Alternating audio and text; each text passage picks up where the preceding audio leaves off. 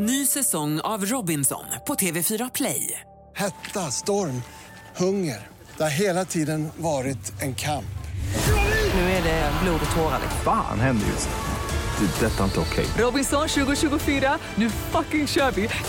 Streama söndag på TV4 Play.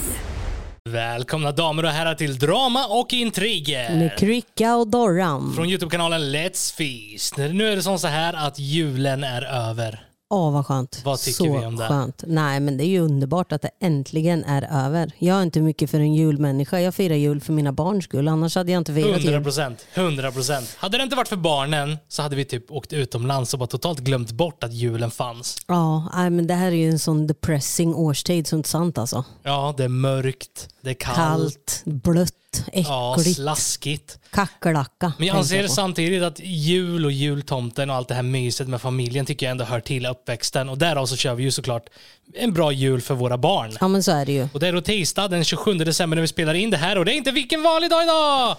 Okej, vänta, jag har fortfarande inte lärt mig med mi- mixerbordet. Där, wow! Vilken dag är det idag Doris? Idag är det din födelsedag, men det är inte tisdag idag. Det är visst tisdag idag. Det är måndag idag. Nej, Doris. Doris veckovill, det Är är det tisdag. tisdag ja, idag? det är tisdag den 27 Ja, det är december. din birdie. Ja, jag fyller hela 33 år Ja, gammal. jag visste att det var hans birdie, men jag visste inte vilken dag det var. Nej, det har vi inte så koll på. Nej. Men idag, kära vänner, eh, så är vi lite sjuka också. Det kanske ni till och med hör på min röst. Jättesjuka. Jason han har dragit på sig något megavirus så han ligger i 40 graders feber. Jason är Eh, vår son på 10 år. Ja, och Kataleja hon, har, hon säger att hon har bajssjukan. Hon, Ja. hon skiter diarré. Ja, Du, jag har ont i magen och du har feber. ja det är så Så. typiskt happy birthday to me ungefär. Grattis på födelsedagen. idag har vi då laddat upp med åtta stycken helt sjuka historier, så nu tar vi och kör igång.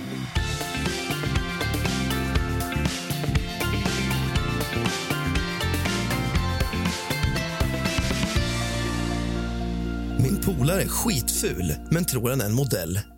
Okej, jag behöver ha er hjälp nu då jag inte vet om jag har gjort bort mig eller inte. Jag är en kille på 22 år som har en kompis. Även han är 22 år och har aldrig varken haft ett förhållande eller en flickvän. Jag vill inte låta som om jag klankar ner på honom i denna historia för snubben har positiva sidor självklart. Han har ett riktigt grymt jobb där han tjänar ungefär 1,8 miljoner kronor om året. Han har en företagsbil och väldigt mycket förmåner. Han är enkel att ha att göra med och mycket trevlig. Hans problem är att han inte är det finaste äpplet på trädet, om man säger så. Vi båda arbetar inom programmering och han är helt enkelt vad många skulle kalla en nörd.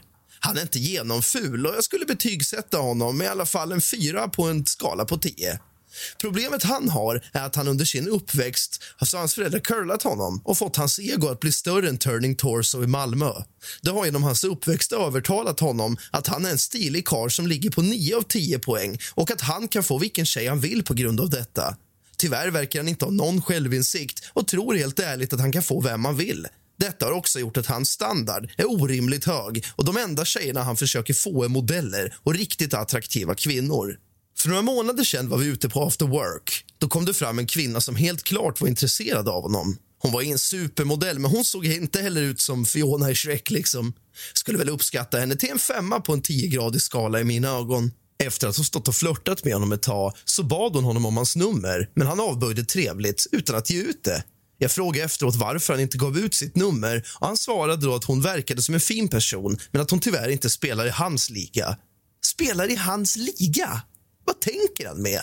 Han är seriöst 22 år gammal, har aldrig haft ett förhållande och är fortfarande oskuld. Ja, ja. Jag valde att inte säga något och bet mig i tungan. Några veckor senare så kom han till mitt skrivbord och var lite däven. Han berättade att han varit på matlagningskurs och att det fanns en riktigt attraktiv kvinna där som han hade försökt passa upp på. Han blev självklart dissad. Jag frågade honom om jag kunde få se hur hon såg ut och han tog fram hennes Facebook. Seriöst, tjejen var en riktig dunderbanger. Då snackar vi alltså en 9 på en 10-gradig skala. Riktigt snygg, ett bombnedslag. No shit att hon dissade honom. Här känner jag som hans bästa vän att jag måste göra något, för jag är lite kluven. Det kan ju tolkas på fel sätt, men jag känner samtidigt att jag är taskig om jag inte säger något om det. Ska jag förklara för honom på ett bra sätt att han kommer för evigt vara singel om han inte sänker sin standard lite? Eller ska jag bara strunta i det? Finns det något mer oattraktivt än karar som typ så här, tycker de själva är så jävla snygga. Ja. Aj, alltså, Nej, jag, alltså, det tycker, fin- jag tycker ju att det är så oattraktivt. Fine, du kan vara jättefin, du kan vara jättesnygg. Ja. Men, men du behöver ju inte gå runt och skryta om det. Alltså det, Nej. det är liksom så här, du kan vara en tia. Alltså, men jag- om du öppnar din käft och börjar skryta, då, du, alltså, du sjunker till två Alltså det, direkt. det är väl jättebra att folk har så här bra självförtroende och sådana saker, men att till exempel kollar man på TikTok, Mm. så visst, det kan ju finnas killar med snygga kroppar och sånt, men när de prompt ska gå där och köra så actionmusik dun, och, stå, och stå där och slänga med håret och en sexig. Bita blick. sig i ja, men, ungefär, alltså man dör ju bara cringe-döden eller? Ja, men här, här tror jag nog att, eh, alltså jag tycker väl personligen som kvinna då, att det är oattraktivt med en kar som tycker sig själv, alltså så här skryta om sig själv Ja. och tycka att man själv är så jävla snygg. Absolut, alltså du, du kan vara så men du behöver liksom inte, du behöver inte överösa alla eh, med det. Men sen finns ju de här kvinnorna som tycker att det är väldigt attraktivt med män som är själv, alltså så här, vad heter det? Självgoda. Ja men alltså typ så här har bra, själv, Narcissistiska. Ja, Nej, men bra självkänsla. självkänsla. Och jag tycker så här, absolut en karl kan ha en bra självkänsla men för fan skryt inte för det Nej. blir jättefult på något vis. Ja men det är ju lite så, alltså det finns människor som är snygga där ute, men så är det ju också som så här att hans föräldrar verkar ju då ha gjort ett fel där. Från det han var liten Mm. så har han blivit intalad om hur fin han är, hur högt upp han är, hur stilig han är. Och det känns ju lite som de flesta morsorna gör så mot sina barn. Ja men det gör ju jag med. Jag tycker ju mina barn är de finaste i världen. Men sen kan på tal om annat, men ändå på, på tal om samma ämne. Någonting jag kan tycka är taskigt, det är sådana här föräldrar som typ hör att deras barn inte kan sjunga, men så prompt så insisterar de du sjunger jättebra, jättebra, och så söker de till Idol. och, så går de dit, och så går de dit med sina barn. Ja. Alltså så här, och bara herregud. Alltså, Ja, och förstå och få ta den smällen. Alltså så här, jag förstår, men är jag, samtidigt så gör det ju barnet en otjänst. Ja, alltså man ska absolut uppmuntra sina barn. Mm. Vi kan säga till Kataleja hela tiden, du sjunger så fint och så vackert liksom. Ja. Men sen ska det vara som så att hon växer upp och men jag ska gå och söka till Idol och bara, ah, du kanske borde öva lite mer skulle jag säga. Ja. Alltså om, om hon nu inte sjunger Att så man pass ändå bra. ska vara ärlig så ja, men man behöver ju inte säga, uttrycka sig så, du sjunger skitfult, lägg av direkt liksom. Så man, kan, ja, men träna, man kan träna på att bli bra. Dorran hade en tidigare arbetskamrat som höll på att sjunga och det Oh, var så Lord pinsamt på skolavslutningarna vet du när ja, men de, äh, barnen sjöng och då ställde hon sig bredvid och bara sjöng. Alltså man har ju svårt att Hon hålla sig sjöng över alla där. vet Ja, du. ja herregud vad Det pinsamt. hade jag glömt bort. Just det. Ja. Ja, den är hemsk alltså. Nej, men jag tycker ju att eh, jag tycker han ska ta ner sin polare på jorden lite På alltså. ett bra sätt. Ja, Alltså stå inte och säga du, du skitfull, det kan du inte säga. Men du får ju någonstans... varför? Jag brukar är säga till Jessica ibland, hon är ful. Ja, Din bästa säger, Fan vad du är ful. Ja. Du vet, många Men så säger hon till tittare- mig, men hon bara alltså du är så jävla ful. Ja men många av våra tittare vet inte vilka Jason eller Jessica är så du måste ju Ja just det, det Jessica. klart. En, en kompis till mig, en gammal jobbarkompis och en gammal skolkamrat. En, Ja. en kamrat till mig. Du brukar dra ner henne på jorden. Ja, och hon drar ner mig på jorden ibland. Men det är sån jargong vi har till varandra. Men liksom. ska man göra så? Ska man verkligen säga till sin kompis Det tycker jag sätt? absolut att man kan göra om man är, om man är bros. Liksom. Ja, att alltså, bara, man du, måste vara alltså, ärlig. Ja, men han är 22 år gammal, fortfarande oskuld. Det verkar inte gå så bra i kärlekslivet. Han Chilla lite. Han, sänk din standard lite så kommer du komma Ja, längre. men använd en annan approach också kanske. Och sen är det ju också som så här att utseendet är inte allt. Alltså, det, det lär man sig oftast när man blir lite äldre som människa. Ja. Mm. Utseendet är väldigt viktigt när man är ung och sådär. Men jag är ju 33 år idag, jag är ju gammal liksom. 33 ja. Ja, och du, du Chef. Det där får du blippa det. Ingen får reda på hur gammal Okej, jag är. jag har blippat Ja, det. bra. Don't worry child. Åh gud. Nej, men uh, han- borde ta ner sin polare lite på jorden. Ja men det tycker jag att han kan göra. Sänk din standard, annars kommer du vara 40-årig S- virgin. eh, virgin. virgin.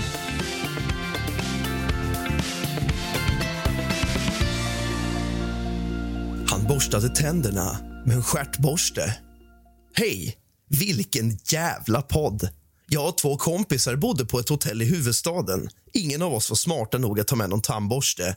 Men vi gick ner till affären och köpte ett fyrpack tandborstar. Alla fick varsin och den sista låg kvar i paketet på muggen. Medan jag var nere i lobbyn och köpte en dricka så tog mina vänner, vi kan kalla dem Alec och Alex, sig lusten att torka rent i toastolen med den sista tandborsten. De tänkte egentligen pranka mig och ta min tandborste, men de höll sig och gjorde inte det. Dagen efter hade vi anlänt och vi bestämde oss för att vi skulle dra på en utekväll med tre kompisar. De kom över till vårt hotell för att förfesta och vi började konsumera alkohol. Alex är i duschen och en av kompisarna som var gäst, vi kan kalla honom JP, utbrister att ni råkar inte ha en extra tandborste så man kan få lite fräschare andedräkt. Jag som inte vet om de kört den sista tandborsten i muggen säger jo, det finns en i badrummet. När Alex hade duschat klart gick JP in på muggen och tog tandborsten. Han kommer ut i rummet och gnuggar tandborsten mot tänderna noggrant. Alex och Alec börjar garva så de fick tårar i ögonen och ingen fattar varför. Efter flera minuters skratt berättar de inför alla i rummet att de gnuggat rent muggen med den och alla börjar asflabba. JP sitter och skäms ihjäl och alla skrattar åt honom.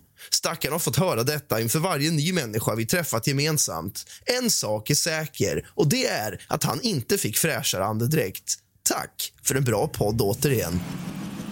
Det där känns ju som ett så här vanligt pojkhus som gått överstyr. Det var inte riktigt med meningen att han skulle få den där. Men varför kör man en tandborste i ta eh, toalettstolen?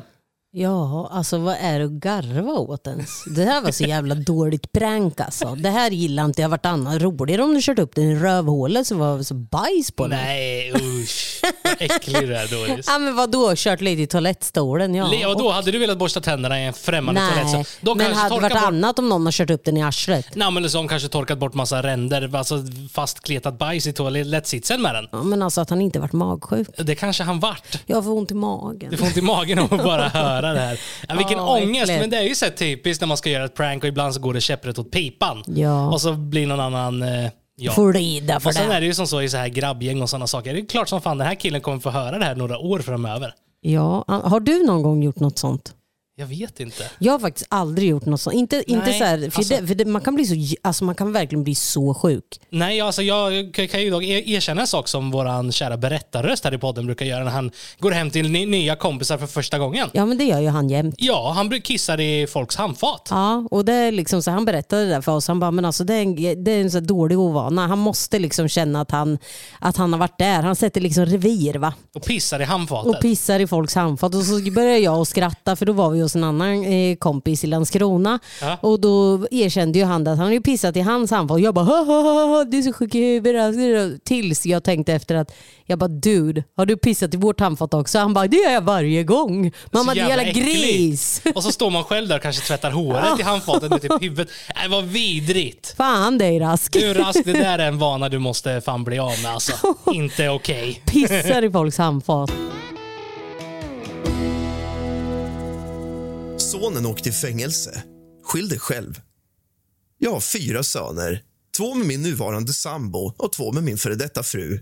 Historien jag nu kommer att berätta handlar om Kim som är en av sönerna jag har med min före detta. Vi bor i Umeå i norra Sverige medan Kims mamma bor i Malmö i södra Sverige.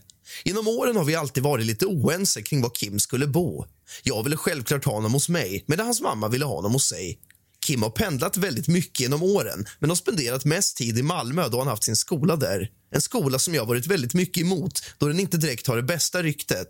Hans mamma bor i en sämre del av stan och därav är det mycket stökigt i hans skola. Hans mamma menade på att det inte var någon fara.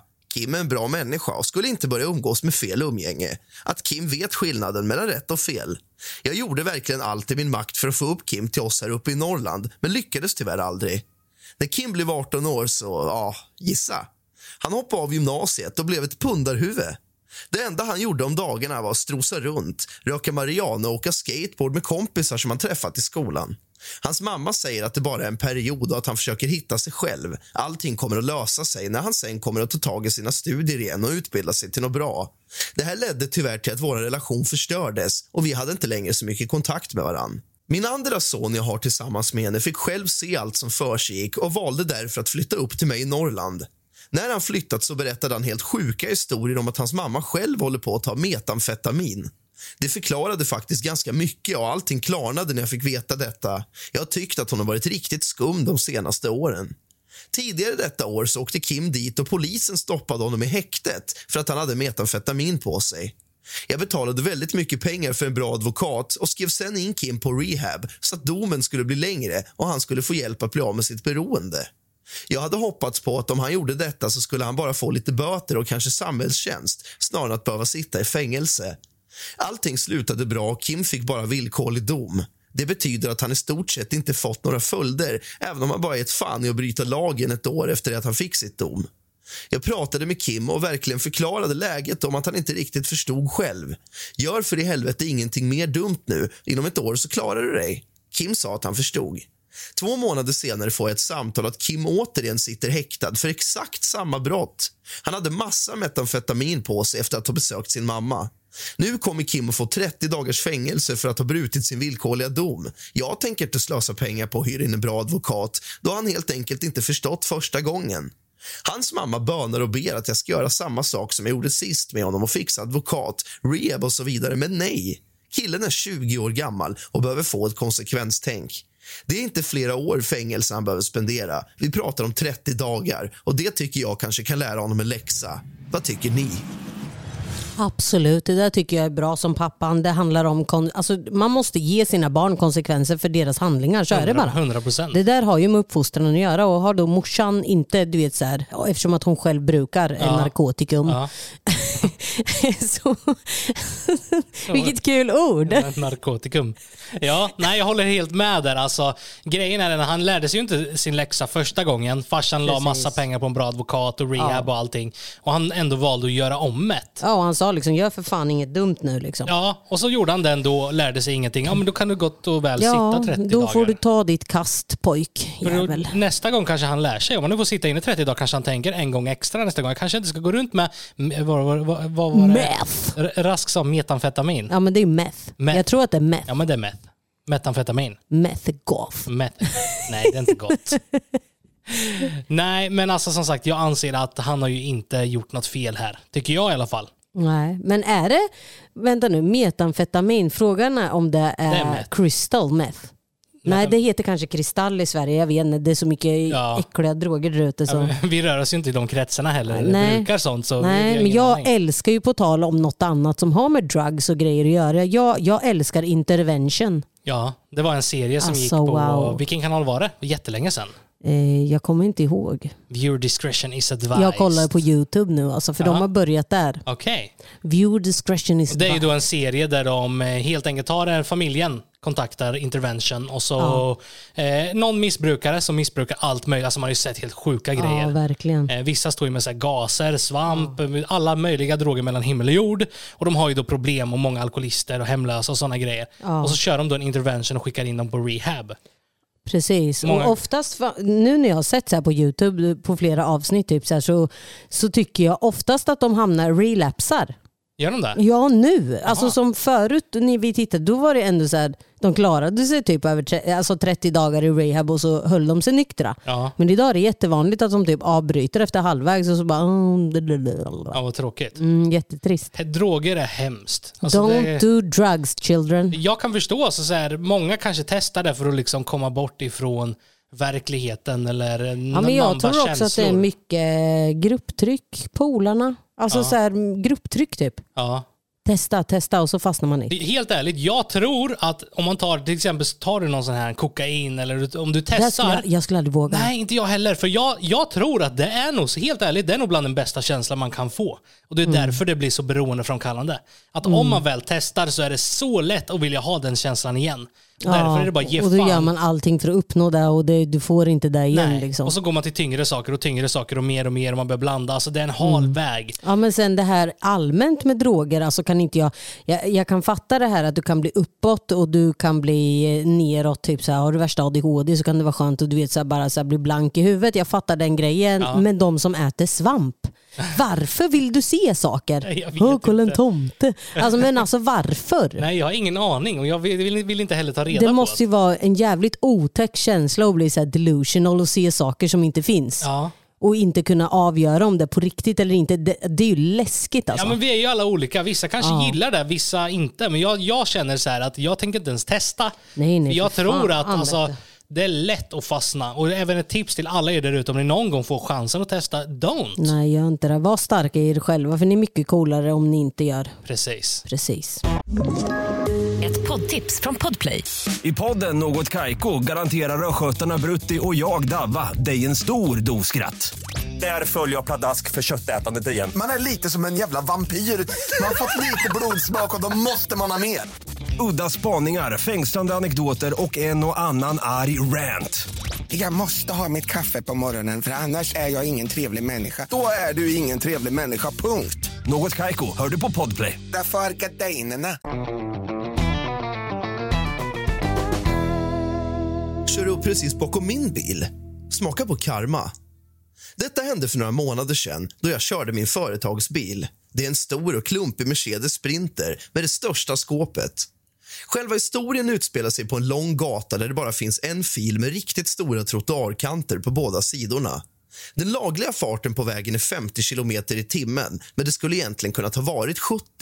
Dock finns det några snäva svängar längs med vägen så jag förstår samtidigt varför man bara får köra i 50. Detta är en väg jag kör dagligen och har gjort det under mina sex år som arbetande åt det här företaget. Jag kan alltså vägarna utan till. Jag brukar därför hålla ungefär 60 km i timmen. Det är lite ovanför lagliga hastighet, men vad fan, give me a break. En morgon kör jag på denna tajta väg och hör hur någon börjar tuta bakom mig. Jag tittar i backspegeln och ser hur någon i stort sett kör i röven på min bil och står och blinkar med sitt helljus. Nu vill jag att ni tar en sekund och gissar vilket bilmärke det var jag hade bakom mig. Var det en Volvo? Var det en Fiat? Var det en Ford? Nej, jag kunde ge mig fan på det. En BMW?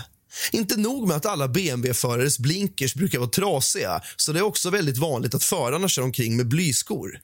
Han fortsatte köra upp precis bakom min bil och vissa gånger kan det inte ha varit mer än några centimeter mellan oss. Vad vill han att jag ska göra? Det finns höga trottoarkanter på båda sidorna och ingenstans där han kan passera. Jag kan heller inte köra snabbare då jag vet att jag inte kommer klara vissa svängar längre fram som är jobbiga. Ni som bor i vissa områden i Sverige vet att om det finns två saker svenska staten älskar, skatt och farthinder.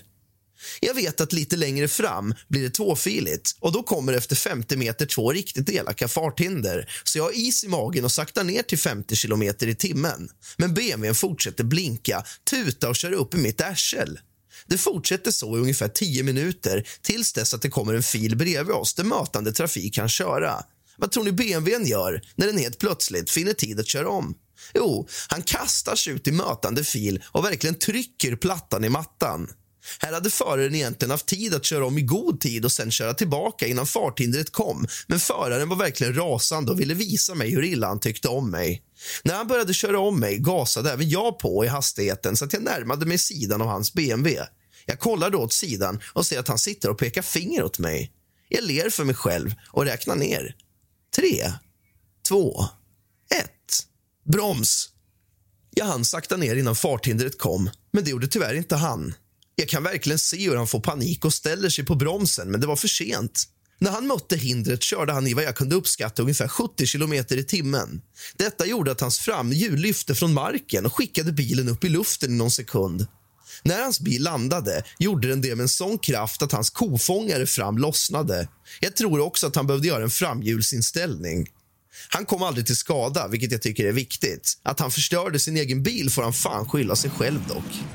Ja, det tycker jag att han faktiskt får skylla sig själv. Nej, jag gillar inte sån här road rage. Nej, men den där aset, ja, alltså helt ärligt, sådana människor i trafiken som ska köra upp bakom i arslet och verkligen stå och pressa och blinka och tuta och hålla på. Far ni åt pipsvängen säger jag. Ja, men ändå. Det är inte bra. Det är inte bra. Det är inte bra att road rage. Han får skylla sig själv. Mm, ja. Ärligt talat, alltså den där BMWn, men sen förvisso, vi- alltså nu vart jag lite kluven ändå, för man vet inte om han kanske sitter med en flö, alltså höggravid kvinna som håller på att ska föda heller. Nej, precis. Eller Eller, kanske- barn i baksätet med tonande rutor. Ja, det kanske är något jätteviktigt eller något sånt där. Men nu pratar jag om det nu är som så att han bara är stressad eller bara en allmän douchebag. Mm. Men är det akut egentligen? Det vet man ju inte.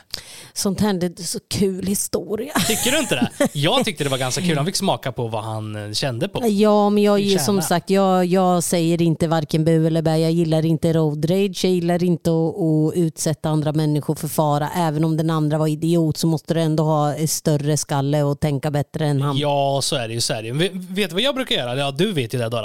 Mm. Men jag tänker att jag ska berätta för våra tittare här. Alltså, det är ganska ofta som vi till exempel kör med en 30-kärra. Vi har Mm. båten bak på 30-kärran. Mm. Eller vi kanske kör en A-traktor eller vad som helst. Ja. Och det jag då gör, alltså jag kan, ha- har jag en 30-kärra, jag kan ibland köra lite snabbare 40-50 med 30-kärran. Ja. Men är det som så att det är tight och det kommer någon och kör bakom min röv, vet du vad jag gör då? Bromsar. Jag saktar ner till 30. Jag kör inte en hastighet över 30. Nej. Om det är någon som kommer. Men om det är någon som då kommer, saktar in i god tid bakom mig, då gör jag, jag kör in. Alltså, då kör jag åt sidan så fort jag bara kan och släpper före såklart. Ja. Men om det kommer upp någon i mitt arsle som står och blinkar. Men där är du jävligt bra i trafiken på det sättet. Så. Alltså jag är ju en sån här, jag har inte haft mitt körkort länge alls. Men Nej. jag blir ju, det vet ju du, jag blir jättestressad av människor i trafiken som Ja. typ ligger i min röv.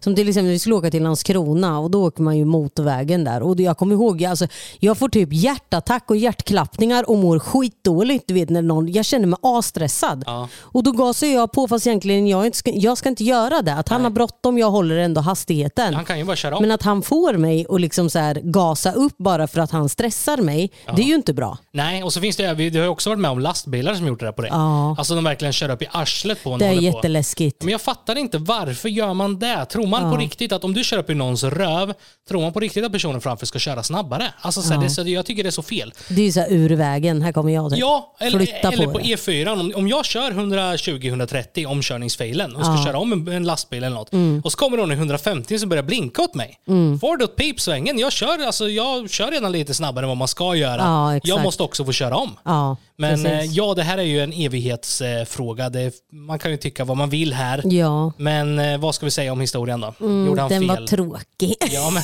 gjorde han fel eller gjorde han rätt? Nej, han gjorde fel. Jag tycker för han det gjorde tycker rätt. jag att han gjorde fel för att det kan vara, man vet inte vem som är mer i bilen och typ så bara för han är dum i huvudet så behöver mm, han kanske hade barn och kärring i bilen som inte alls är, tänker Ja. på hur han kör liksom. Ja. Nej jag tycker det var fel.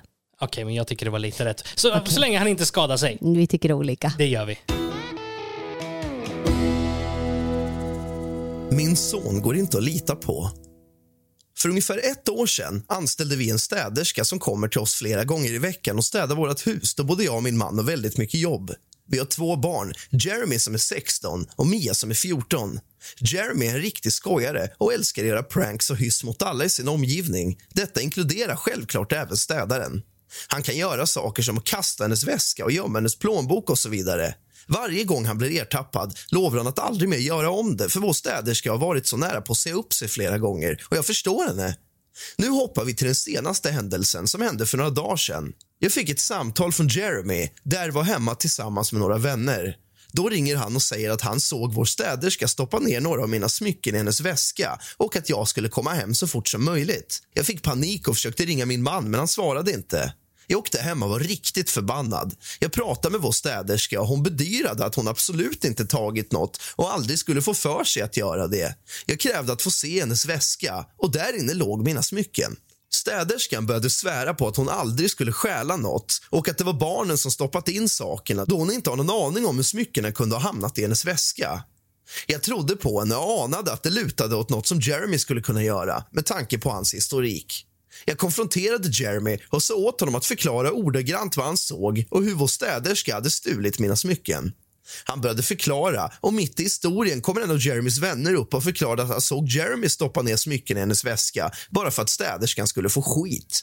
Jeremy blev rosenrasande och skrek till sin polare att du vet väl att golare inte har några polare.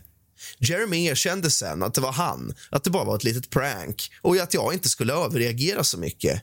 Jag kastade ut hans vänner och tvingade honom sen att be om ursäkt till städerskan. Jag tog sen hans mobil, dator och iPad. Nu har han utegångsförbud en vecka och får bara gå från till och tillbaka skolan. När min man kom hem visade det sig att vi har väldigt delade åsikter. Istället för att bli arg på Jeremy var det mig han blev arg på. Hur i hela friden kunde jag lita mer på städerskan än jag gör på vår egen son? Nu tycker han att det är jag som gjort fel som inte trodde på Jeremy när han bedyrade att det inte var han. Jag hade ju alla bevis och tagit städerskan på bar gärning. Då tyckte han att jag ska lita mer på vår son snarare än på att lita på städerskan vi bara känt i ett år. Vi har varit väldigt osams sen detta hände. Vem tycker ni gjorde fel? Ja det är ju din unge som gjorde fel skulle jag vilja säga och den där pappan han verkar helt funtad. Jag kan säga som så här, det finns ju föräldrar där ute som anser att deras barn är eh, alltså, Guds saints, gåva. Guds gåva. De är änglar och skulle aldrig kunna göra någonting. Det tycker jag är så fel. Att vi är alla människor. Eh, alla har sina flas, alltså så här, ingen är perfekt. Och eh, dina barn är inte heller perfekta. Nej precis och sen det här är ju återigen kommer vi tillbaka till det här konsekvenser. Ja. Konsekvenser, alltså den där ungen att pappan ens Alltså så här, för hon hade ju fått fram att ungen ljög. Ja, och så ja, ja. pappan lackar. Bara, "Åh, kan du inte tro på Jeremy? Ja, men vad fan, han, stod, han ljög mig ju rätt upp i nyllet. Hur fan Ja. ska jag tro på en lögnare? Och grejen är att Jeremy erkände ju också att det var bara ett Exakt. prank. Men alltså såna här pranks är ju inte ens roliga. Fatta hur den där stackars städerskan mår Ja. och blivit anklagad för att ha stulit och sen blivit planterat bevis till och med. Ja, nej gud stackars. alltså det måste vara hemskt. Ja, nej, den där pappan får nog tänka om lite tycker jag. Det tycker jag med. Och eh, det här handlar, handlar ju om att curla sina barn. Det är precis som... Curla, jag tänker bara på mamma. Min mamma, hon säger alltid curla. Man, det? jag tänker inte curla en karl. curla, jag har det aldrig hört det så, alltså förut. så här, vi, vi, vi vet ju själva om att våra barn, alltså visst de gör väl inte fel jätteofta, men de kan också göra fel. Absolut. Mm. Alltså, så här, är det slagsmål i skolan, jag vet att våra barn är inga saints, de kan också Slå bete sig tillbaka illa. eller vara elaka, Ja, absolut. Man Men måste då- ju se situationen som den är och vara lite Ja. opartisk ändå. Ja. Alltså, så här, konsekvenser måste komma om man inte beter sig. Precis, och som vi alltid varit väldigt noga med eh, i skolan just med Jason som har hamnat i bråk och sånt att om han kommer hem och är ärlig och säger till, till oss liksom som det är Ja så, så kan vi prata om det. Då blir det inte konsekvensen att vi tar ifrån honom mobil och där. På så, samma sätt, om man inte gjort något jättehemskt. Liksom. Exakt, men där vet ju han att han säger alltid innan ens någon hinner ringa hem Ja. så säger han alltid att ah, mamma jag, jag mår jättedåligt, jag har varit dum idag i skolan. Ja, men det här har ju att göra med att eh, han inte sa i början för många, många år sedan. Ja. Och eh, hur gick det i skolan? Ja, men det gick jättebra. Sen fick vi samtal från fröken att han har gjort det och det och det. Ja. Och då var det konsekvenser för Ja. då var inte han ärlig. Nej precis, då var det ju data som gick och mobil och... Ja, och jag tycker det är väldigt viktigt till alla föräldrar där ute att eh, alltså, konsekvenstänk är någonting som måste finnas. Ja, precis. Att eh, ger man inte sina barn konsekvenstänk. Jag vet själv, när jag var liten så hade jag några vänner.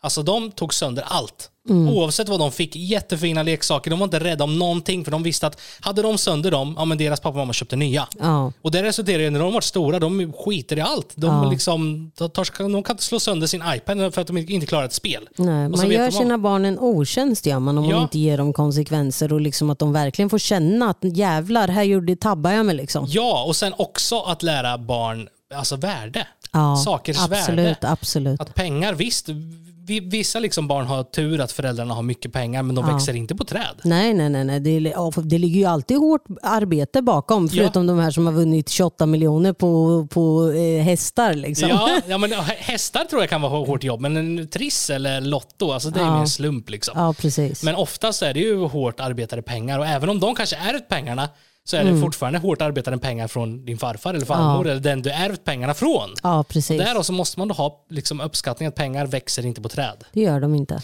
Men åter till historien här. Jag anser att mamman, du gjorde rätt. Du gjorde helt rätt. riktig douchebag. Ja. Alltså, Tänk om. ja, men han erkände ju. Alltså Mm. sonen erkände. Ja. Och då eh, gjorde hon rätt som ja, såg igenom absolut. sonen. Jajamän.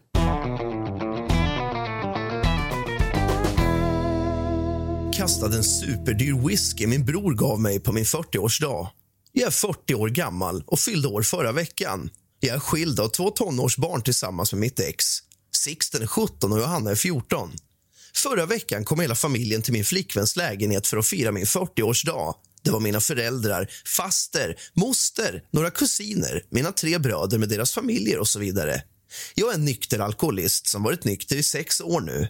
Det är det bästa beslutet jag har tagit och jag kan lova att hade jag inte slutat dricka hade jag inte suttit här idag.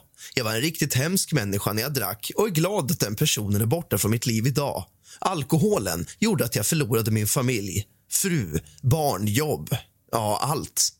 Det var långt ifrån enkelt, men genom åren har jag lyckats bygga upp alla förhållanden och få tillbaka allas förtroenden. Numera tillåter jag inte alkohol i mitt liv, varken för mig eller för någon annan. Vill någon annan dricka får de absolut göra det, men inte i mitt hem. Hela min familj är medvetna om detta och de vet också om varför jag inte dricker. På min 40-årsdag hade en av mina bröder köpt en riktigt dyr whisky. Det var en riktigt fin flaska och man kunde se på den i alla fall att den kostat honom några tusen att köpa. Han gav mig flaskan och alla blev chockade. Jag svarade att jag inte dricker, men att jag ändå uppskattade presenten. Då öppnade han flaskan och började hälla upp shots i små plastglas som han sedan började dela ut till allihopa. Min dotter fick en panikattack när hon kände lukten av alkohol. Att hon mår dåligt av den lukten är helt och hållet mitt fel. Hon får helt enkelt flashbacks till en mindre bra del av sitt liv. När jag såg henne få panik fick även jag ångest. Jag bad min bror ta med alkoholen och ställa den på balkongen och låta den vara där. Han bara stirrade mig rakt i ögonen och sa att han vägrade. Sen tog han en shot samtidigt som han bara stirrade på mig. Jag började bli riktigt arg och sa åt honom att sluta. Då hällde han upp ytterligare en shot som han kastade i sig. Han sa sen att jag beter mig som en nykter ängel som aldrig gjort någon skada mot någon annan. Detta är karma, då jag själv har förstört väldigt många av deras födelsedagar på grund av mitt drickande.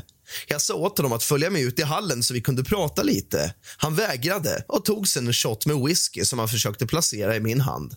Jag slet flaskan ur hans hand och gick sen bort mot diskhon där jag spolade ner varenda droppe.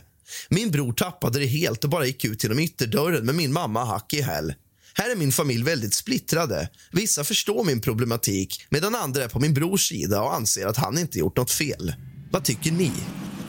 Jag tycker att din bror är jävligt respektlös att ens komma med en flaska whisky på din 40-årsdag. Skiter i om du fyller 40 eller 50 eller Ja. alltså så här, det där att veta att eh, alltså en nykter alkoholist och ge och familj till det är och med. hemskt. Familj till ja, och med. Ja.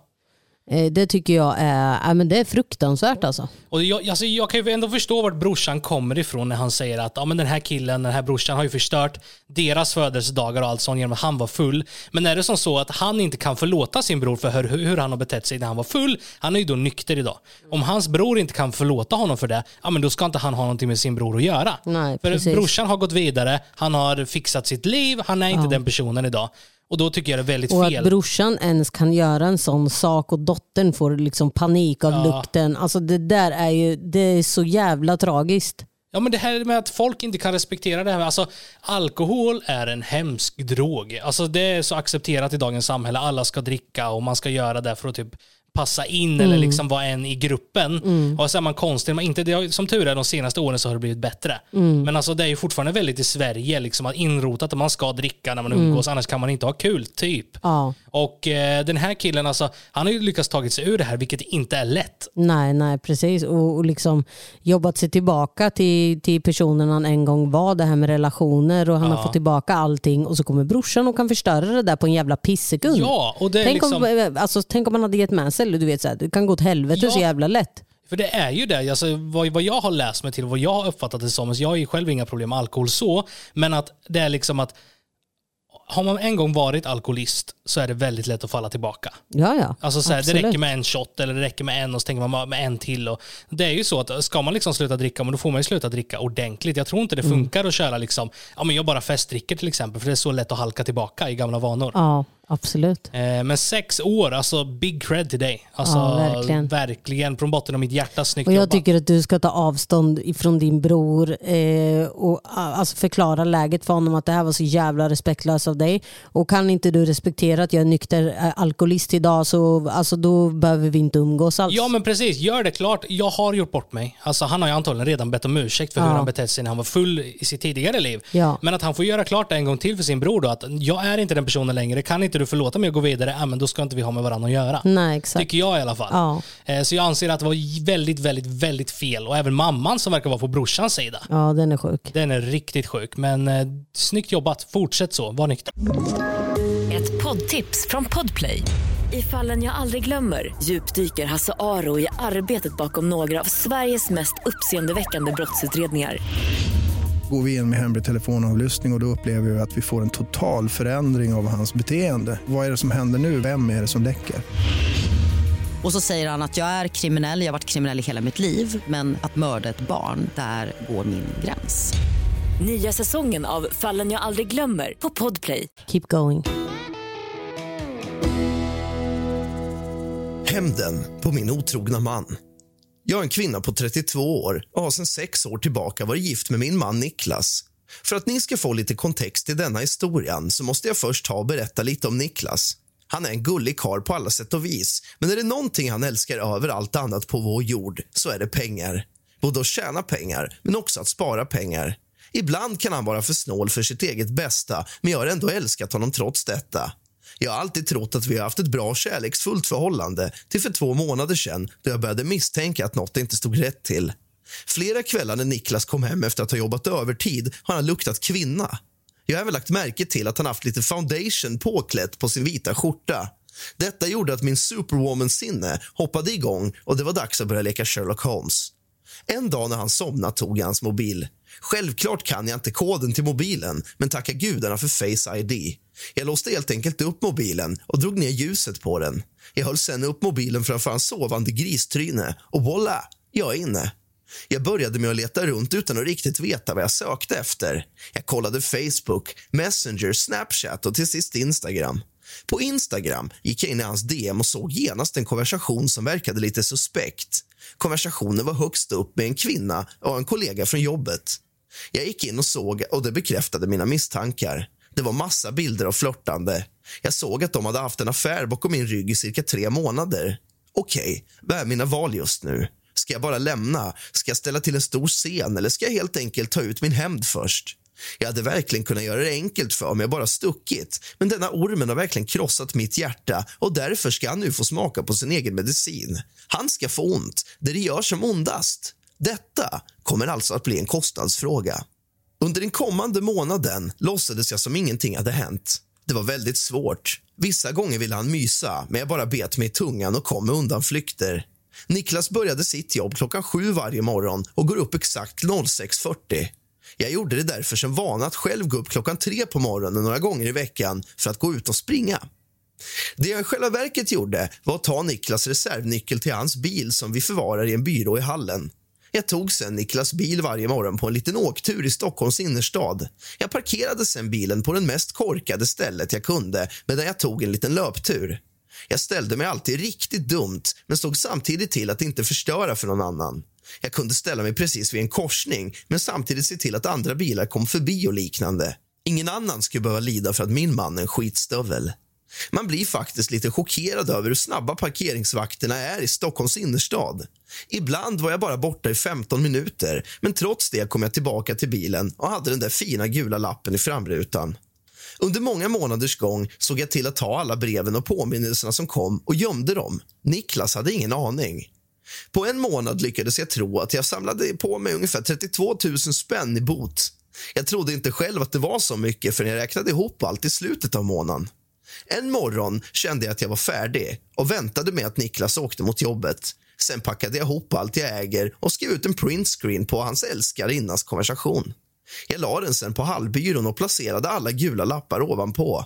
Nu har det passerat en vecka och jag har inte hört någonting från Niklas. Jag kan lova att han gråter sig till sömns varje kväll. Inte för att han förlorat mig, utan för att han förlorat 32 000 kronor. Ät skit, Niklas. ja. Du eh, Niklas, eh, ät du skit då? Ja. Ja, Alltså, så kan det gå. eh, Ja men det där var, det var, det var en good revenge. Det good var revenge. smart sätt att lyckas få honom att betala. Ja, men jag, det, det- alltså det är någon historia vi hade för ett tag sedan också. Någon som... eh, ihåg- otrogen. Ja, men någon som var otrogen och att man, alltså jag hade ju inte klarat av att spela med. Nej, inte jag hade jag inte heller. velat vara under samma jävla tak. Nej, och samma dag så hade jag, jag hade ju konfronterat det. Jag hade inte kunnat hålla mig. Nej. Och låtsas att allting är bra Ja, en månad. exakt. Alltså, det är pokerface på den. Alltså. Ja, det hade jag, jag hade inte klarat Nej, det. inte jag heller. Jag hade blivit för sårad och för eh, krossad för att Ja. liksom låtsas att allting är bra. Exakt. Och han ville tydligen mysa med henne flera gånger med, men hon ja, pratar bort det liksom. Ja. Nej, men vad jobbigt läge, men samtidigt tycker jag det var väldigt snyggt gjort av henne här. Att jag tycker att han förtjänade det. Mm. Alltså, jag tycker att alltså, om du verkligen känner att du måste vara otrogen, fråga dig själv då, älskar du verkligen din partner? Ja. Om du liksom känner att du må- måste ha någon annan kvinna, eller, då är det någonting som inte är rätt. Exakt. Då är det kanske bättre att ta upp det med sin partner och vara ärlig snarare än att eh, gå och ha en affär. För det, alltså, det förlorar alla på i längden. Verkligen. Men vad ska vi säga här då? Vem gjorde rätt, vem gjorde fel? Ja, men hon gjorde rätt. Det, var, det här var kul. Den här historien tyckte du om. Den tyckte jag om.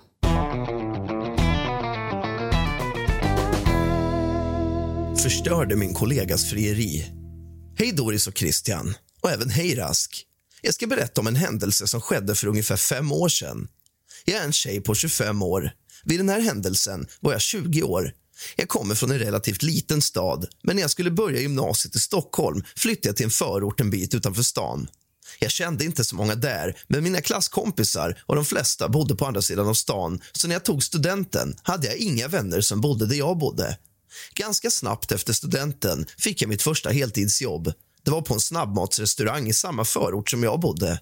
Vi var inte många anställda, men alla vi var ungefär samma ålder, mellan 16 och 25 och alla bodde i samma förort, så därför blev vi alla ganska nära vänner.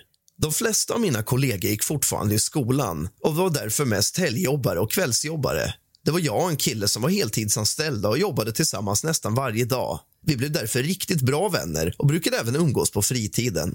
Han hade en flickvän som han bodde med ganska nära där jag bodde och även vi brukade prata och skämta med varandra när hon kom in på restaurangen.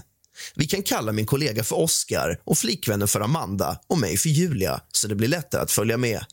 Oscar kom en dag fram till mig och frågade Julia, skulle du kunna göra mig en tjänst? Självklart, sa jag ja och frågade vad han behövde hjälp med. Han sa att han tänkte fria till Amanda på julafton och eftersom att han visste att jag var duktig på att baka så undrade han om jag skulle kunna baka en tårta till honom. Han tänkte en tårta som ser ut som ett hjärta och att det står “Marry me” i mitten. Jag tyckte det lät hur gulligt som helst och självklart ville jag hjälpa honom.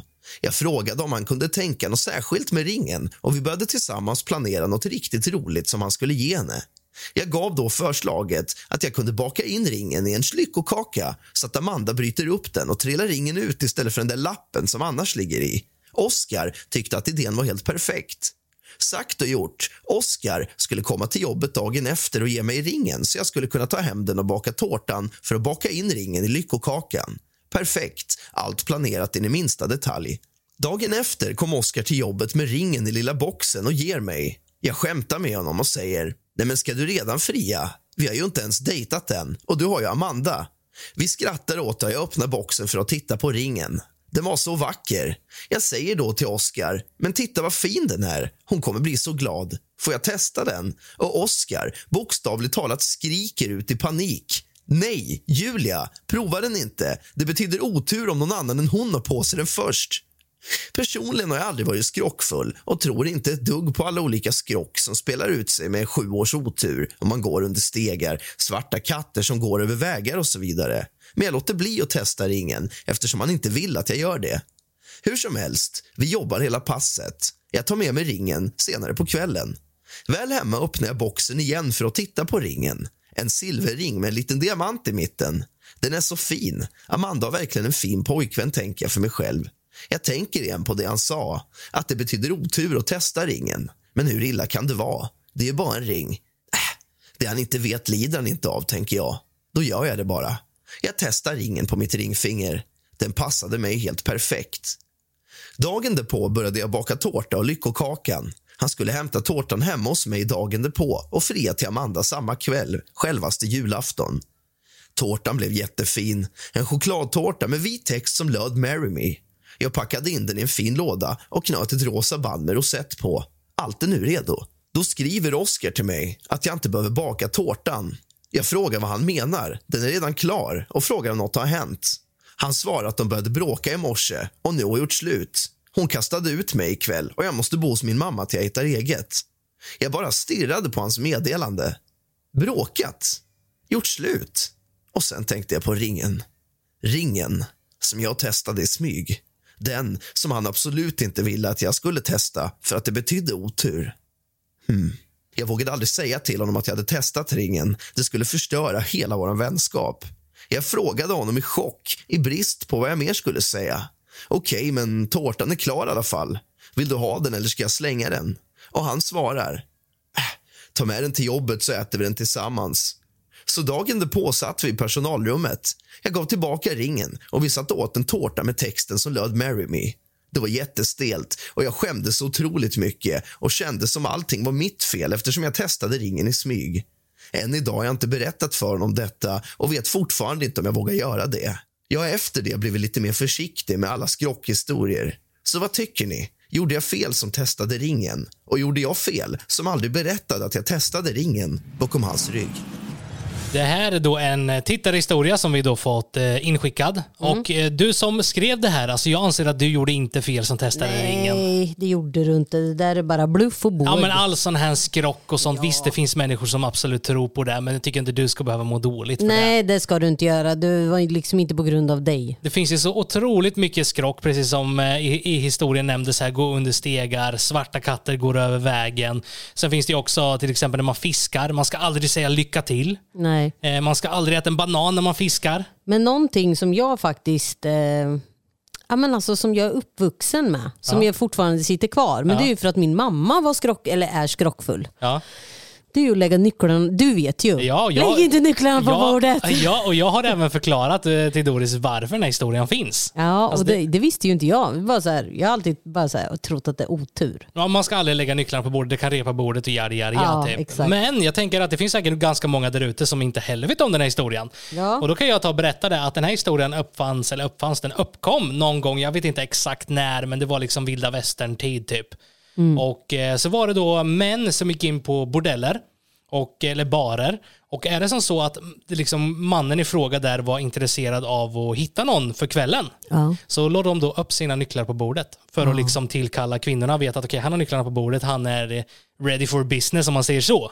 Och eh, det var där historien uppkom och ja, kärringarna ville helt enkelt inte, då inte att männen ska lägga nycklarna på bordet. Nej, men det, det visste ju inte jag. Det var Nej. du som talade om för mig. Jag, jag fullkomligt älskar att ta reda på sådana här historier. Varför? Mm. Som till exempel, vet du varför militären gör det här upp med två fingrar och sen skjuter ifrån? Du vet den här militärhälsningen. Aj, aj, kapten. Ja, vet du varför de gör det? Ja, därför att de hade en hjälm. Ja, den... Eh, liksom, Visir. Exakt, den gesten kommer då från riddartiden när de hade ett visir för ansiktet. Ja. Och så när man skulle hälsa på sin överordnade så var man tvungen att visa vem man var. Då tog man upp två fingrar och sköt upp visiret. Ja. Och då därför liksom, det, det gör man ju än idag. Och så säger man typ såhär yes sir! Och så typ skjuter man, eller vad säger man i armén när man hälsar? Giv vakt!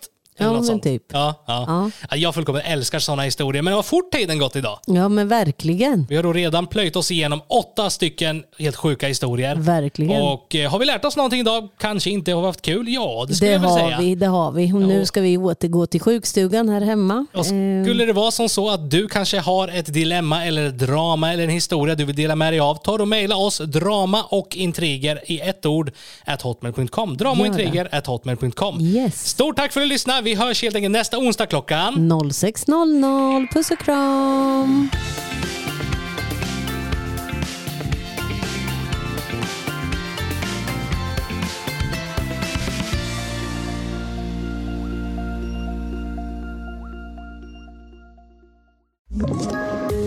Poddtips från Podplay. I podden Något Kaiko garanterar östgötarna Brutti och jag, Davva, dig en stor dos skratt. Där följer jag pladask för köttätandet igen. Man är lite som en jävla vampyr. Man har fått lite blodsmak och då måste man ha mer. Udda spaningar, fängslande anekdoter och en och annan arg rant. Jag måste ha mitt kaffe på morgonen för annars är jag ingen trevlig människa. Då är du ingen trevlig människa, punkt. Något Kaiko, hör du på Podplay. Därför är gardinerna.